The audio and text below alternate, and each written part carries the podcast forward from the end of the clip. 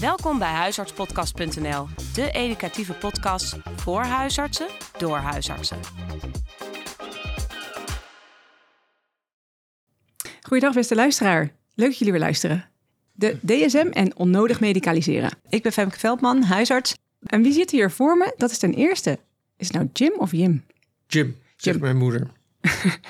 Jim van Os. Jij bent een herstelgerichte psychiater, hoogleraar psychiatrische epidemiologie en voorzitter van de visie hersenen aan het UMC Utrecht. Goedemorgen. Morgen. En dan daarnaast zit Peter Lucassen.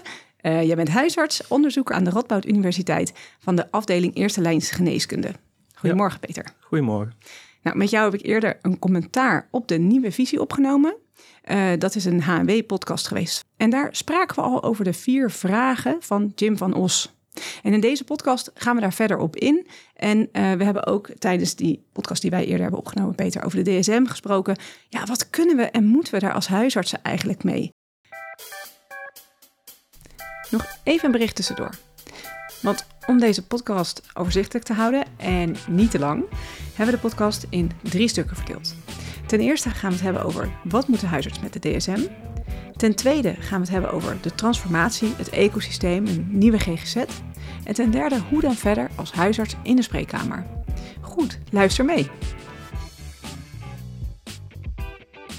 Jim, Ja, neem het podium. nou, fantastisch. Ja. Kijk, ik geef les aan GGZ-kaderartsen wel eens, hè, GGZ.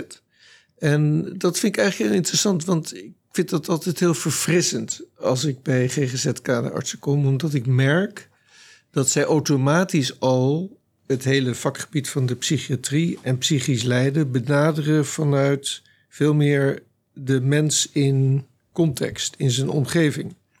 Dat is natuurlijk ook logisch, omdat huisartsen ja, veel meer werken met mensen in hun specifieke context, omdat ze veel meer kennis hebben vaak. Natuurlijk zien ze ook veel mensen die ze nooit eerder hebben gezien, maar over de jaren krijg je wel een gevoel voor de regio en de mensen en de samenhang en het gebied.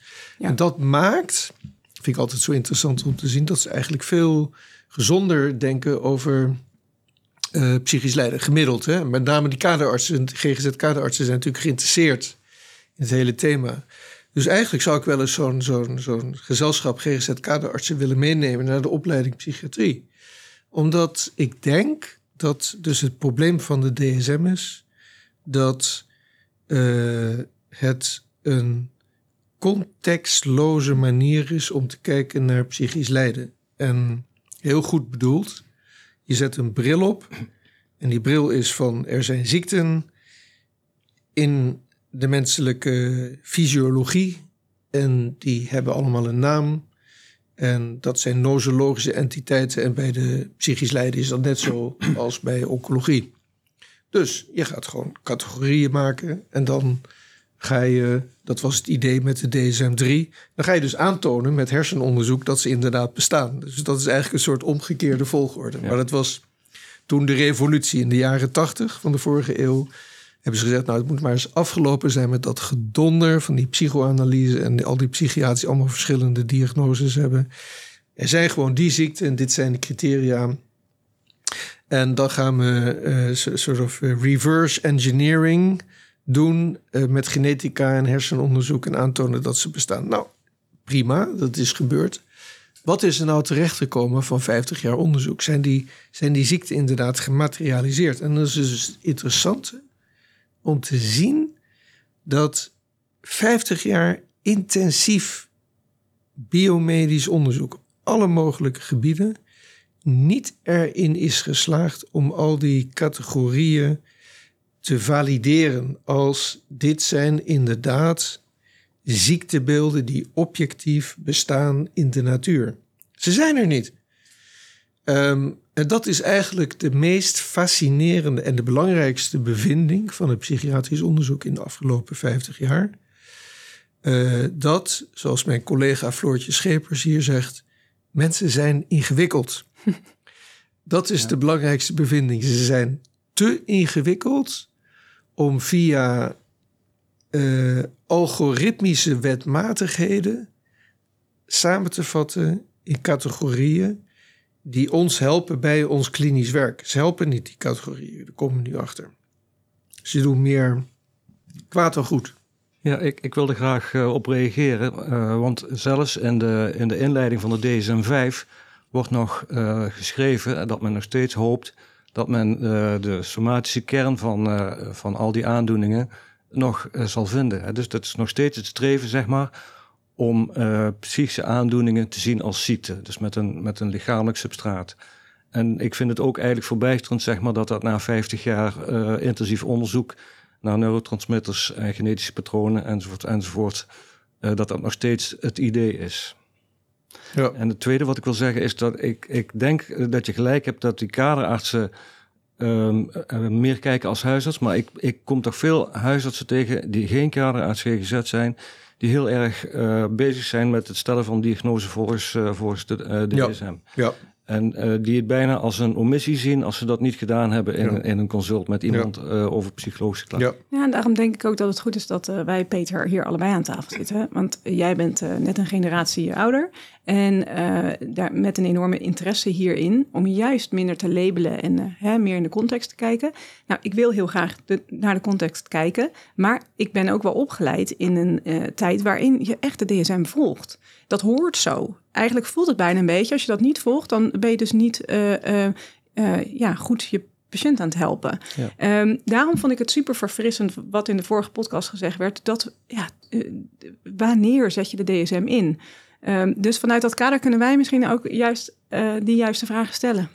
Ja, ja. Nou, dat is meteen al een hele belangrijke conclusie die we hebben getrokken met elkaar. Dus dan is, is de volgende vraag eigenlijk er komt iemand bij je als huisarts die klaagt over gevoelens van angst en somberheid. Wat is dan het gesprek wat je wil hebben met iemand? En um, ik denk, als je luistert naar wat patiënten hierover zeggen, is dat ze het heel fijn vinden, en dat is heel belangrijk, want dat betekent dat je meteen contact hebt met iemand, en dat is echt de eerste hulp die je moet bieden. Als je ingaat op dat psychisch lijden op een mentale manier. Als je erop ingaat op een manier van: oké, heb je dit en heb je dat en heb je dat, en je geeft dat terug als ik begrijp wat er aan de hand is. Jij niet, maar ik wel, want ik heb die diagnose uit een boek. Um, dan gebeurt er meteen al iets verkeerds. Want dan heb je dus meteen een model van de arts. Ja. Heeft de diagnose en weet wat hij moet doen. En de patiënt verwacht dat hij gefixt gaat worden. En helaas is dat helemaal verkeerd. Want alles wat we weten duidt erop dat als je binnenkomt bij de huisarts met psychisch lijden, dan betekent dat dat er werk aan de winkel is voor die persoon. Ja. En als je niet dat idee met die persoon bespreekt, ja, dan zit je al helemaal verkeerd. En dan gaat het, uh, dan gaat het uitlopen op een antidepressieve met alle gevolgen van dien. En een enorme mismatch tussen de patiënt en de dokter. Ja. ja. ja. jij schrijft in het boek, uh, het boek wat ik hiervoor heb gelezen voor de, als voorbereiding op deze podcast, dat heette de DSM-5 voorbij, persoonlijke diagnostiek in een nieuwe GGZ. Nou, ik heb werkelijk uh, waar ongeveer alles onderstreept, want ik vond het echt ja, heel veel ja, leerzame stukken stonden erin. Um, en daar spreek je over een tijd dat je zelf als AJOS uh, had je een uh, patiënt en toen wist je eigenlijk niet zo goed hoe je de patiënt nou moest duiden. Uh, je was een beetje aan het zoeken. En toen vertelde op een gegeven moment de patiënt dat hij een zus had en die had volgens mij een bipolaire stoornis. Ja. ja, ja. Vervolgens. nou ja, dat was een zeer leerzame ervaring. Dus ik kreeg een soort aha-erlevenis van got you. Ja, um, dan weet van, ik wat je ja, hebt. Dan weet ik wat je hebt. En, en die vrouw die werd dus woedend op mij en gaf mij ter plekke een les in wat ik nu zelf probeer duidelijk te maken. Van hoezeer zij zich gereduceerd en niet gehoord voelde op het moment dat ik heel duidelijk begon te vragen van oh en ja en gaan je gedachten sneller en heb je meer energie? En en zij zei je was gewoon je algoritme aan het afwerken en je luisterde niet meer naar mij. Nee, het verhaal van de patiënt was niet meer uh, belangrijk. Eh, de, de, het afvinklijstje, ja. dat werd uh, ja. Doel, ja. Mm -hmm. ja. ja. Het lastige is dus, de, de, patiënt is ook meegenomen in de DSM-gedachte. De hele samenleving uh, zegt van ja, er zijn specialisten en die kunnen je diagnosticeren. En die hebben fixes voor jouw probleem. En, en de huisarts is daarvan een afgeleide. Dus als die dat ja, het diagnostische werk doet eh, en de fix geeft, dan is het ook goed voor mij. Dus het is ook een kwestie van verwachtingenmanagement. En het is heel contra-intuïtief. Hè? Dat eigenlijk je komt binnen met psychisch lijden en je krijgt te horen: ja, er is werk aan de winkel. Maar dat is het wel. Dus uh, je moet ook nog eens een keer uh, de maatschappelijke verwachtingen gaan kanaliseren bij die persoon. In... Leg eens uit, dat werk aan de winkel. Ja, dus waar psychisch lijden over gaat, eigenlijk is dat er iets moet veranderen. Daar komt het op neer. En dat is heel breed, maar ook weer niet eindeloos breed. Dat kan zijn dat er iets moet aan gaan veranderen in hoe jij omgaat met uh, die, die gevoelens van angst. Of de herbelevingen. Of de stemmen die je hoort. Of de somberheid. Want uh, het gaat heel erg over niet alleen dat je die dingen hebt, maar ook hoe je ertoe verhoudt. Dat is het rare. De dualiteit van ons bewustzijn is dat wij ervaren dat we ervaren. En dus ook ervaren dat we somberheid ervaren. En die somberheid, hoe erger die wordt, hoe meer die iets als externs wordt. Zo extern soms dat we zeggen het is een stem die me uitkaffert. En, en die dynamiek, daar zitten de diagnostische vragen. Wat is de somberheid die u voelt? Hoe manifesteert hij zich? Wat voelt u dan eigenlijk? Hoe dwingend is die? Hoe machtig is die? Wat voor betekenis heeft hij? Uh, waar, komt hij vandaan? Wie is de baas?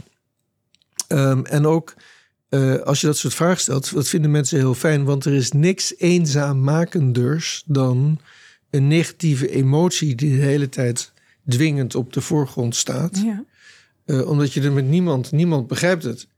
En als je dan ook nog een keer bij de arts komt en zegt: Oh ja, het is die en die criteria en die diagnose, dat maakt alleen maar nog eenzamer. Want dan ben je nog niet in staat om te vertellen wat, wat het is voor jou. Ja.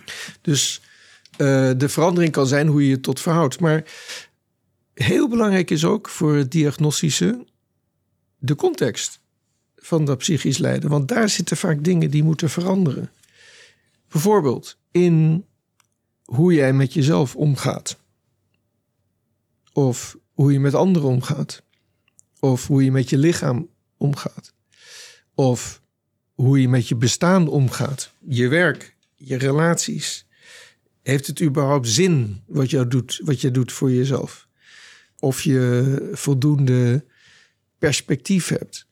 Dus eigenlijk allemaal doelen in, in de context van je bestaan. En vaak moet er iets veranderen in, in een van die dingen. Of meerdere dingen. En daar moet je mensen naartoe leiden. Psychisch lijden ontstaat in de context van de relatie met jezelf, met relatie uit dingen uit het verleden, met je lichaam, uh, met je bestaan en alles wat daarbij komt kijken. En dat is het diagnostische gesprek, dat je uh, de link gaat leggen. Niet alleen in de dynamiek van het psychisch lijden tussen de persoon en het psychisch lijden, maar ook tussen psychisch lijden en de context van de persoon. En dat kan in 10 minuten prima. Ik heb hier neurochirurgen die helemaal gewend zijn om de eerste 10 minuten, want die worden geconfronteerd met, met enorme ingrijpende dingen. En die, die, die hebben geleerd daar naartoe te gaan. 10 minuten. Dat kan in ja. 10 minuten. Dat is dat, hoopvol. Dat wil ik even ja. bewaren. Ja. Tot even iets verderop in de podcast. Ja. Uh, komen we daarop terug. Eerst nu nog even terug naar, die, naar de DSM. Ja. Waar ik iets vaster in, uh, in zit dan, dan jij, Peter. Uh, daar is een heel deel 1 van jouw boek is daaraan gewijd, van de vier delen. Om dus ook echt uit te leggen, nou, hoe, hoe is die DSM ontstaan? Ja. Kan je ons daar nog even wat meer in meenemen? En dan met name dus ook, ja, misschien een beetje meer voor, voor, voor mijn generatie, die um, het als eigenlijk een soort van essentie uh, voelt, opgelegd voelt in de spreekkamer. Ja. Dus ja, heel belangrijk denk ik. Dus dat ontstaan van die DSM is eigenlijk bij DSM 3 is er een belangrijke koep gepleegd door een gezelschap in Amerika. Die werden geconfronteerd met de zorgverzekeraars. Die zeiden: ja, al dat vage gedoe van jullie, dat past niet in de uh, zorgverzekeringswet, hè, zoals zij die hanteerden. Want ja, de neurologen en de reumatologen en de oncologen, die hebben allemaal categorieën, dat is duidelijk. Ja. En jullie is volstrekt onduidelijk wat jullie doen, dus jullie moeten dat ook doen. En Anders nemen we jullie niet meer serieus. Dan ga je maar naar het sociaal domein of zo. Nou, dat, is, dat, hebben, ze- dat heeft men zich te harte genomen. En een gezelschap onder leiding van Bob Spitzer... die hebben toen eigenlijk, heel interessant... die opdracht aangenomen... en gewoon gezegd... oké, we gaan gewoon ziekte maken met categorieën... en criteria. En dat is voor de hele wereld hetzelfde. En omdat Amerika zoveel invloed had in de geneeskunde... en de academische tijdschriften altijd nummer één zijn...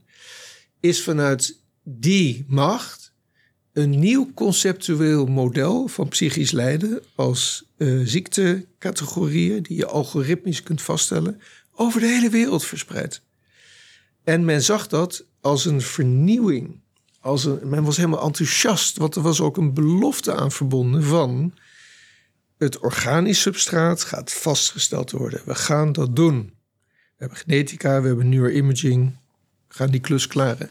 Dus vanuit die wetenschappelijk positivistische gedachte is er een, een soort nieuw conceptueel model aangereikt aan de bevolking. En hele generaties artsen zijn opgeleid daarin, alsof het het meest vanzelfsprekende is wat er is.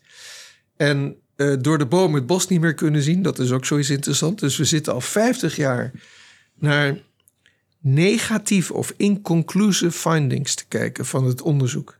Alles is inconclusive. Maar op de een of andere manier kunnen we het niet zien, die boodschap omdat we zeggen, nee, we hebben grotere samples nodig. We hebben meer genetische varianten nodig. We hebben sterkere neuroimagers nodig. En alles is niet conclusief op basis, eh, in het gebied van dus de biologie, de Biologie. zoeken van de... En het enige, en dat is interessant denk ik om te noemen... het enige vakgebied waar iets uit is gekomen is de genetica. En wat is daar uitgekomen? Daar is uitgekomen dat ieder mens duizenden genetische varianten heeft... die betrokken zijn bij psychisch lijden. Heel breed.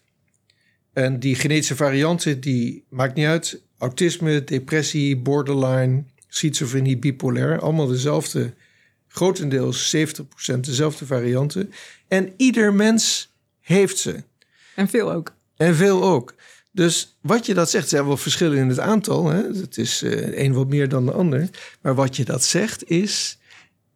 de genetica van psychisch lijden is de genetica van het mens zijn. En dan in het bijzonder onze capaciteit om met gevoel te reageren op de omgeving. Daar zit de kern van die biologische bevindingen van de psychiatrie. Dat wij het in ons hebben om met emoties te reageren op omgevingsveranderingen. Dat is eigenlijk de bevinding. En dat geeft een soort kwetsbaarheid. Ja, dat geeft een kwetsbaarheid die wij nodig hebben om het leven te leven. Ja. En vroeger of later lopen wij dus tegen die kwetsbaarheid aan. Dat hoort bij onze existentie en dan moeten wij er wat mee. Iedereen. En dat is ook onderdeel van ons bijzondere ja, spirituele eh, capaciteit die wij hebben om, om natuurlijk te reflecteren over onszelf en onze positie in de wereld en het universum. Dat is ook ingewikkeld. Dus daar ga je alle kanten bij op, letterlijk natuurlijk. En soms moet je dat leren kanaliseren. Als, als, als je, eh, meestal als je jong bent, krijg je dus heftige psychische ervaringen. Dat zien we in de, in de psychiatrie. Het gaat om heftige beelden tussen 15 en 25. Dat is eigenlijk de psychiatrie. Die heftige beelden zijn dus als je kennis gaat maken met jezelf in de wereld en de ingewikkeldheid daarvan en hoe je al die processen van ik ben een persoon, ik, ik heb een heel leven voor me, dat gaat alle kanten op. Ik, ik ben alleen, ik dacht dat ik in een ouderlijk nest zat, maar nu ga ik alleen. Ik, ik word verliefd op andere mensen, help. Wat is dat? Eh, eh, dus de uitdagingen van, de, van, van het leven zijn zo groot dat afhankelijk van waar je precies je gevoeligheid zit, ja, kan ontsporen. Je kan de bocht uitvliegen. En als we het zo zouden behandelen en tegen mensen zouden zeggen: ja, je vliegt de bocht uit en je moet er dus, daar moet je iets mee. Dus werk aan de winkel. Je moet die gevoeligheid leren kennen. Je moet er woorden aan geven. En je moet kijken hoe jij jouw omgeving zo gaat managen dat, dat die gevoeligheid jou niet in de weg zit. Dat is eigenlijk het werk. Als we dat nou zouden zeggen, dat is de GGZ, ja, dan wordt het een stuk simpeler. Leren omgaan met het leven. Ja. Ja, de Mhm. context. Ja. Ja. Je zegt ook dat psychiatrie ook in een soort continuum zit eh, ten opzichte van tussen aanhalingstekens de normale mens. En dat er bij iedereen een eh, eh, randje depressie, somberheid, stemmingswisselingen, zelfs over psychose heb je het uitgebreid in het boek, Ja. dat dat ook in een continuum zit. Is daar oog voor in de DSM? Nou, dat is het interessante. Dus de, de, toen ik voor de DSM-5 werd gevraagd, voor de psychosewerkgroep, eh zei men specifiek: We willen jou hebben, want jij werkt op het gebied van dat dingen dimensioneel zijn. Dat, dat zelfs dingen als, als psychose en schizofrenie iets is wat in ieder mens zich manifesteert, maar waarbij sommige mensen zorgbehoeften ontwikkelen. Ja, dus eigenlijk zeggen dat eh, de psychiatrie eh, niet ziektes zijn, maar gewoon stukjes van normale levens. Ja, het is niet zwart-wit. Ja, Dus je hebt niet ja depressie, nee depressie, Ja. maar het is meer van we zitten allemaal op een spectrum. Ja. Eh, en dat was dan de gedachte om, dat, om de DSM dat te gaan laten uitdrukken. Ja. En dat is dus helaas gesneuveld in de DSM-5. Waarom? Omdat die verzekeraars weer begonnen. De APA, de American Psychiatric Association, die wilde DSM-5 gaan dimensionaliseren. En zeiden, ja, het is menselijk, het zijn allemaal spectra. En toen zei iemand, ja, maar de verzekeraars, en die verzekeraars zeiden, ja jongens, als jullie dat gaan doen, dan gaan wij de vergoedingen ook dimensionaliseren. Dus als het een minder ernstige depressie is, krijg je ook minder geld. Toen, dat is informeel, hè? dus dit is niet de officiële reden waarom het er niet gekomen is. Maar ik heb wel gehoord later dat dat in de board een, een belangrijke overweging was om dat hele dimensionaliseringsgedoe uit te besteden aan de appendix van de DSM-5. Dus dat is dan dat je zegt, nou ja, dat komt nog wel een keer. dus ja, en dat is ook zo. Dus wederom, hè, zodra we het ingewikkeld maken en dat het recht doet aan de menselijke psychologie, namelijk dat dingen inderdaad spectraal, dimensioneel zijn, ingewikkeld, door elkaar lopend, dan komen we dus nu met het probleem dat ook in de zorgverzekeringswet zie je dat die, die DSM ook een belangrijke rol is gaan spelen. dit was deel 1 van Onnodig Medicaliseren. Luister zometeen ook deel 2. Dat gaat over het ecosysteem, transformatie en een nieuwe GGZ.